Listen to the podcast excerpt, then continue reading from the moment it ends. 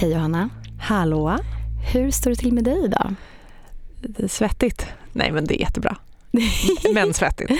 Ja, alltså det går ju inte att låta som att man klagar men det är ändå typ 29 grader och eh, vi sitter inne och jobbar. Mm. Har vi gjort tidigare idag i alla fall. Ja, men det är otroligt mycket härligare att jobba på kontoret än att jobba hemifrån som jag gjorde i början av veckan. För herregud, där har jag liksom inte samma AC och ja, luftkvalitet inomhus som det är här. Det här är ändå ett stort kontor där, det, där det, det, det finns en viss cirkulation. Ja, men lite så. Och inte så jättemånga inne och det kanske påverkar också. Ja, det är toppenbra. Anekdot på det temat är ju, det måste vara sommaren 2018 som var, som var sådär fruktansvärt varm. Då jobbade jag ganska mycket, men då, då, då spelade jag in Avanza-podden tillsammans med Niklas och då hade vi ingen studio utan då satt vi nere i källaren där vi hade ett bord och två mikrofoner. Ja, ah, mysigt. Ja, du vet, Inga fönster. Du vet där, där, vi, där det är lite förråd och så vidare. Ja, men, härlig sen.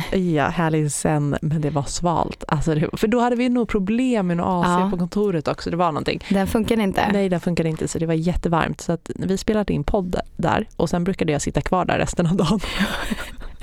så deppigt. Det finns ju verkligen inte ett enda fönster där nere. Nej, alltså det är verkligen det är så här lagerhyllor och bara massa ja, men skräp och lite adventsstakar som ett typiskt källarförråd. Ja, det är mysigt. Ja, det är så vi jobbar här på bolaget. Inga marmor, marmorpelare.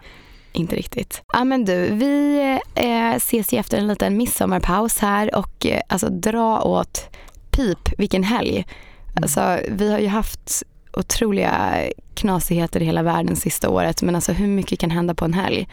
Ja, det var ju helt sjukt det här. Prigozjin. Mm, kuppen i Ryssland, eller var det en kupp eller var det inte en kupp och vad var syftet? Och, ja. Jag hängde knappt med. Först när man såg nyheten så tänkte man, men gud, nu är det faktiskt någon som kommer ta över här.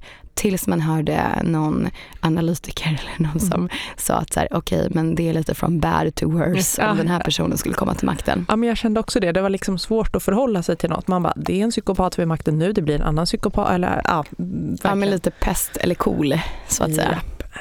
Ja, och sen så hade vi då det här på Gröna Lund, fruktansvärda var... upprinningen i den här Titan Ja, just ja, ubåten. Ja, det var ju fruktansvärt. Jag, men jag kände så här, gud, jag hade ju inte... Det är ju fruktansvärt det som skedde, men det här... Hade jag, aldrig satt mig i den situationen. Jag hade, nej, jag hade aldrig satt mig i den här båten. Alltså, här har folk betalat... Det är min totala mardröm. Alltså. Ja, de hade betalat, tror jag det var, typ två miljoner för att åka med. Alltså, jag hade inte satt mig där om jag så hade fått två miljarder. Nej, aldrig. Det är verkligen min totala mardröm. Ja.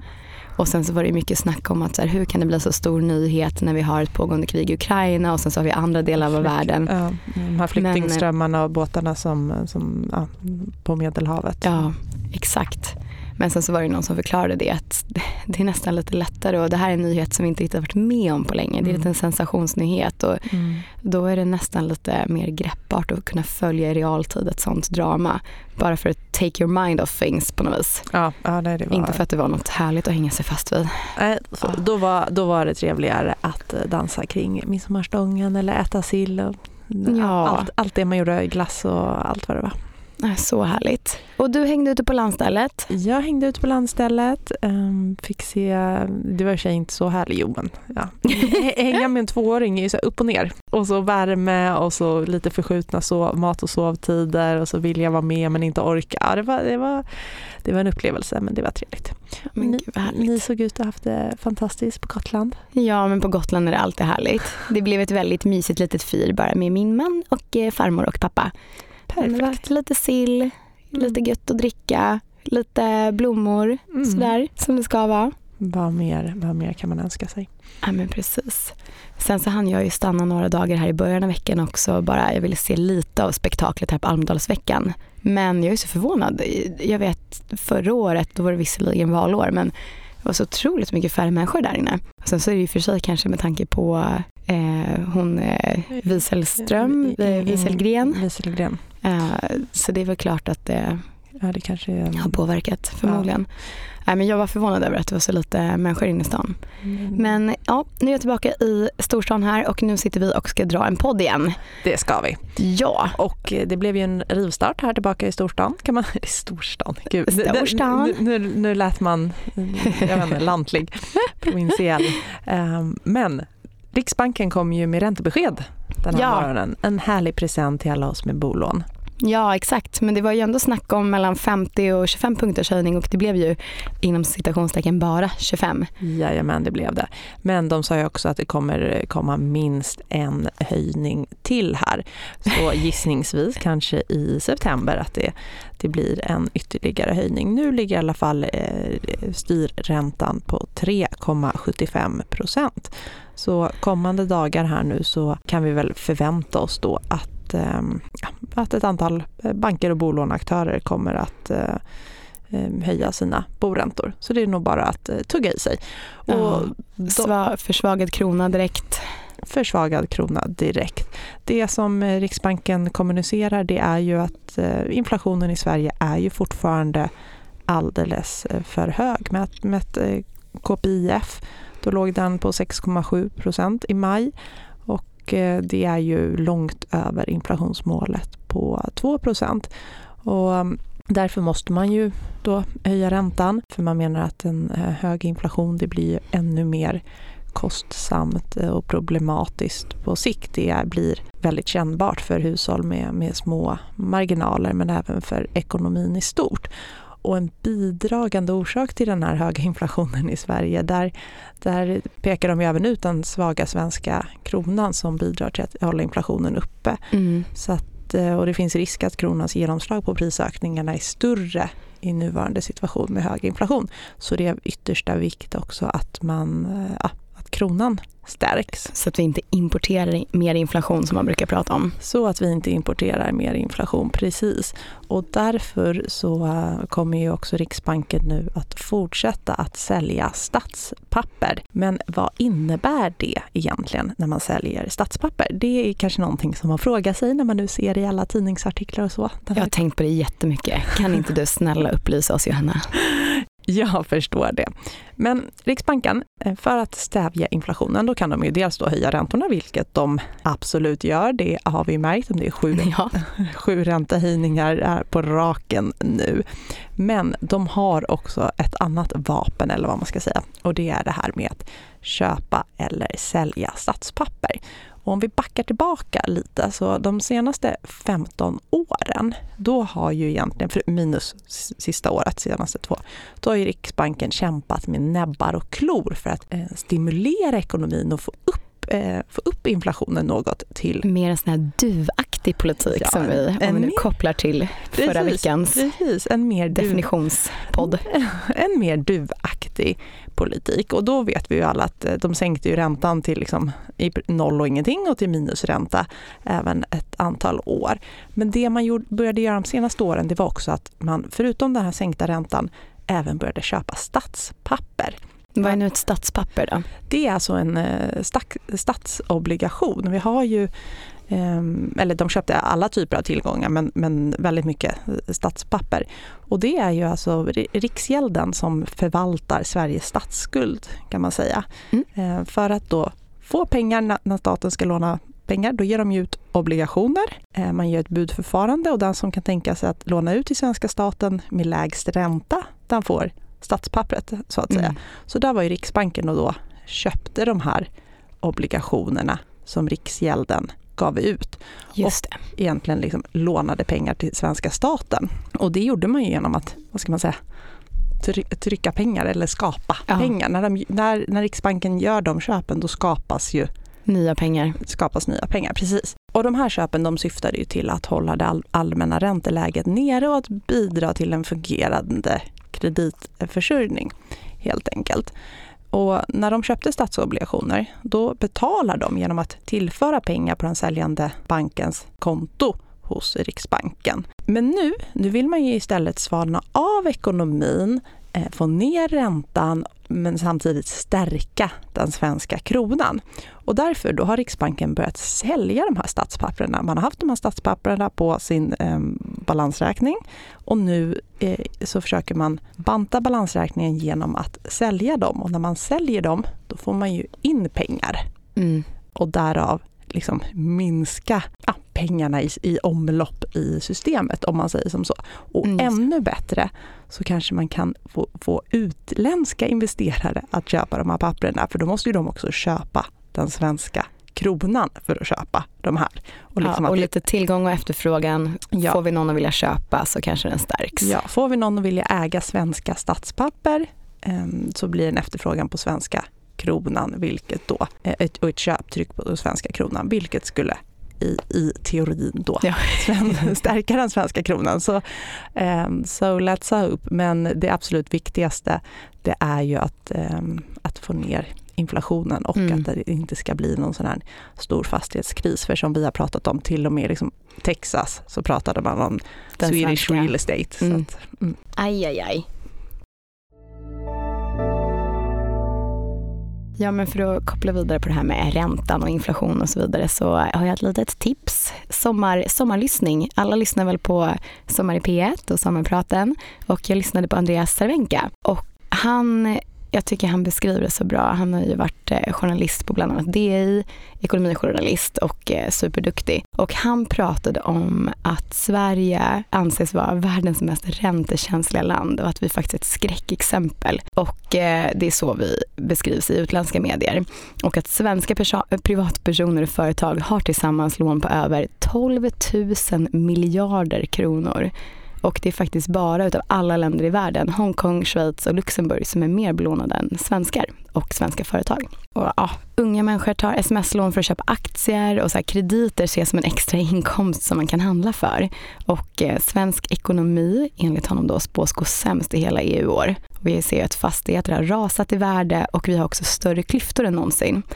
Och enligt en schweizisk bank så har vi större inkomstklyftor än man faktiskt har i Ryssland. Så det här var inte supermuntert men jag tycker det var väldigt viktigt. Och ja, inflationen är ju högre än någonsin och de här, våra löner hänger ju sannoliken inte med. Och vissa har ju inte ens ens eh, råd med ja, men så basala needs som att köpa mat eller kunna betala sina bolån och el och så vidare. Nej, men samtidigt har vi fler miljardärer än någonsin i Sverige.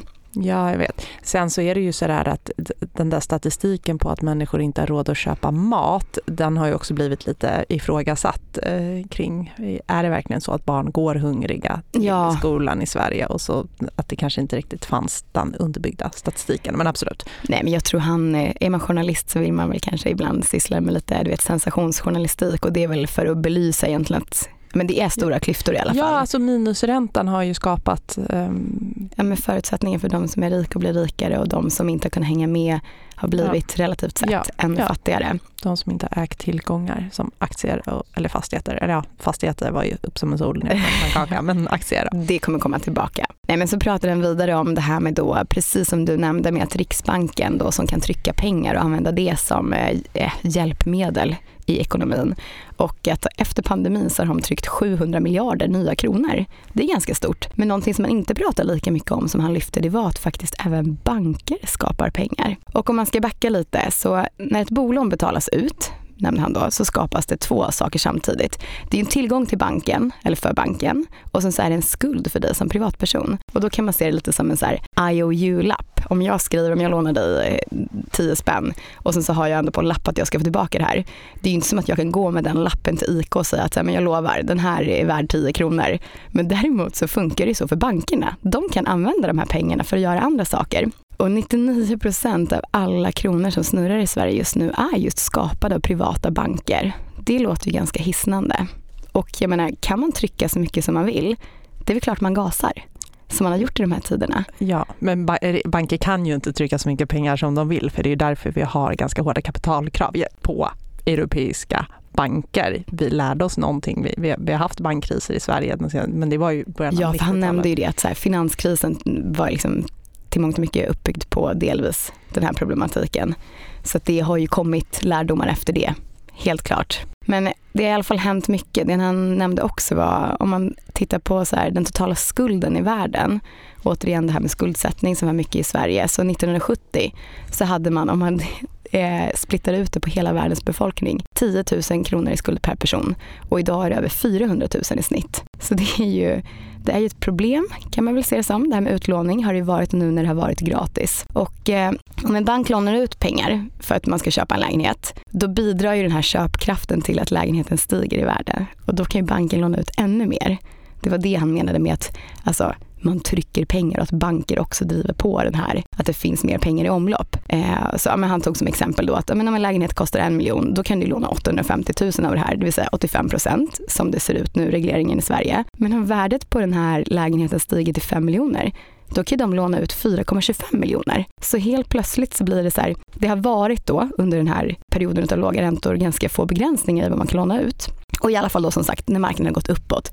Men när det istället går neråt då blir banken mer restriktiv, de kanske inte ger krediter på samma sätt. Och det blir också den här självuppfyllande profetian med att bostadspriserna sjunker och då är de ännu mindre restriktiva. Och ja, men en classic spiral. Och han drog ett exempel som bara kändes så himla mörkt och det var att banken kan låna ut pengar. Det är lite som att låna ut ett paraply när det är sol men att kräva tillbaks det när det börjar regna. Ja.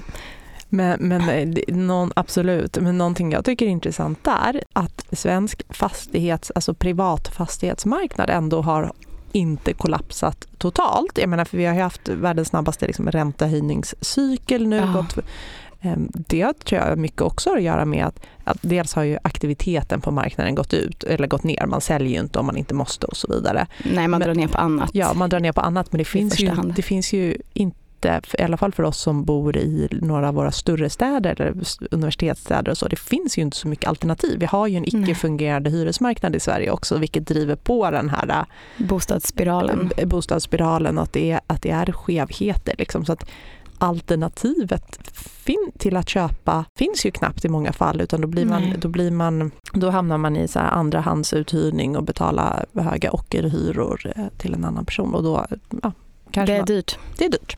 Nej, men sen så nämnde han också att eh, inflationen som jag tycker vi har ju såklart pratat om supermycket sista året, eh, den uppstod inte här sista året men det är bara för att vi kanske har uppmärksammat också faktiskt, Riksbanken, när matpriserna går upp. För det syns så tydligt, det blir nyheter och det syns i folks liksom, plånbok om man mäter det här, vad kostar det att köpa liksom, en kasse med mat och så vidare. Men man har inte pratat lika mycket om att det har varit en inflation, påstår han, i decennier på tillgångar, alltså på fastigheter och på aktier. För en miljon på 90-talet så kunde man köpa en lägenhet på 90 kvadrat i Stockholm. Och idag får man bara 12, 12 kvadratmeter för samma pris. Och det är egentligen 90 procent tappad köpkraft. Så ja, alla som var inne och gjorde en bostadskarriär under den här tiden har ju sannoliken lite bättre förutsättningar nu än de som inte varit med på det här tåget. Ja, i alla fall. Det, det har varit gratis att låna väldigt länge, vi är i en helt annan situation och det kan ju öka på klyftorna mer ifall man har varit med under den här tiden och varit inne i marknaden eller inte. Så ja.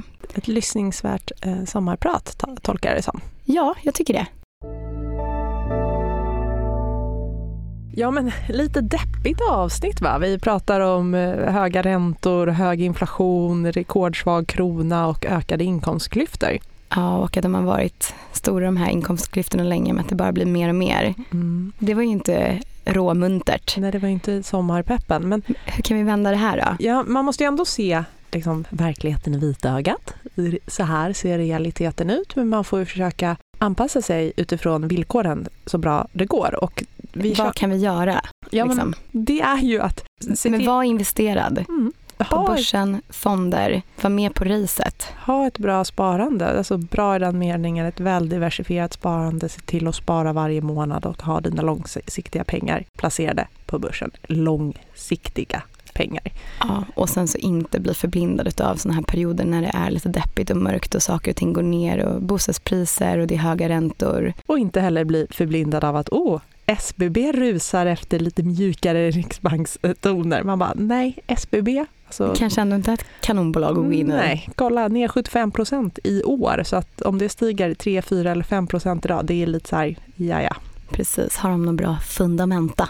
Har de någonting Precis. att hålla fast vid? Att man inte ska bottenfiska som alla brukar prata om. Exakt. Utan är det någonting som vi tror faktiskt kommer göra att de går upp?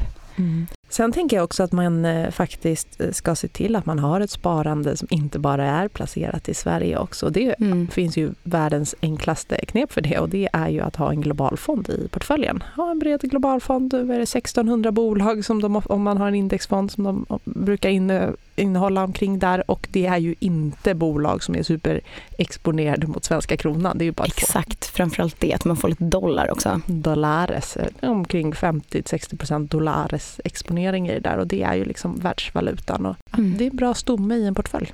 Precis. Ja men Johanna, då var ännu ett avsnitt till ända. En eh, lite av en eh, inte så munter rapport, men vi påminner återigen om att ja, men ska man minska det här spargapet som finns både mellan alltså, kvinnor och män men också i övrigt där ute, hög och låginkomsttagare, folk som är med på börsen eller med på bostadsresor eller om man inte är det. Så det är så viktigt att ja, bara sätta igång ja, och hålla i.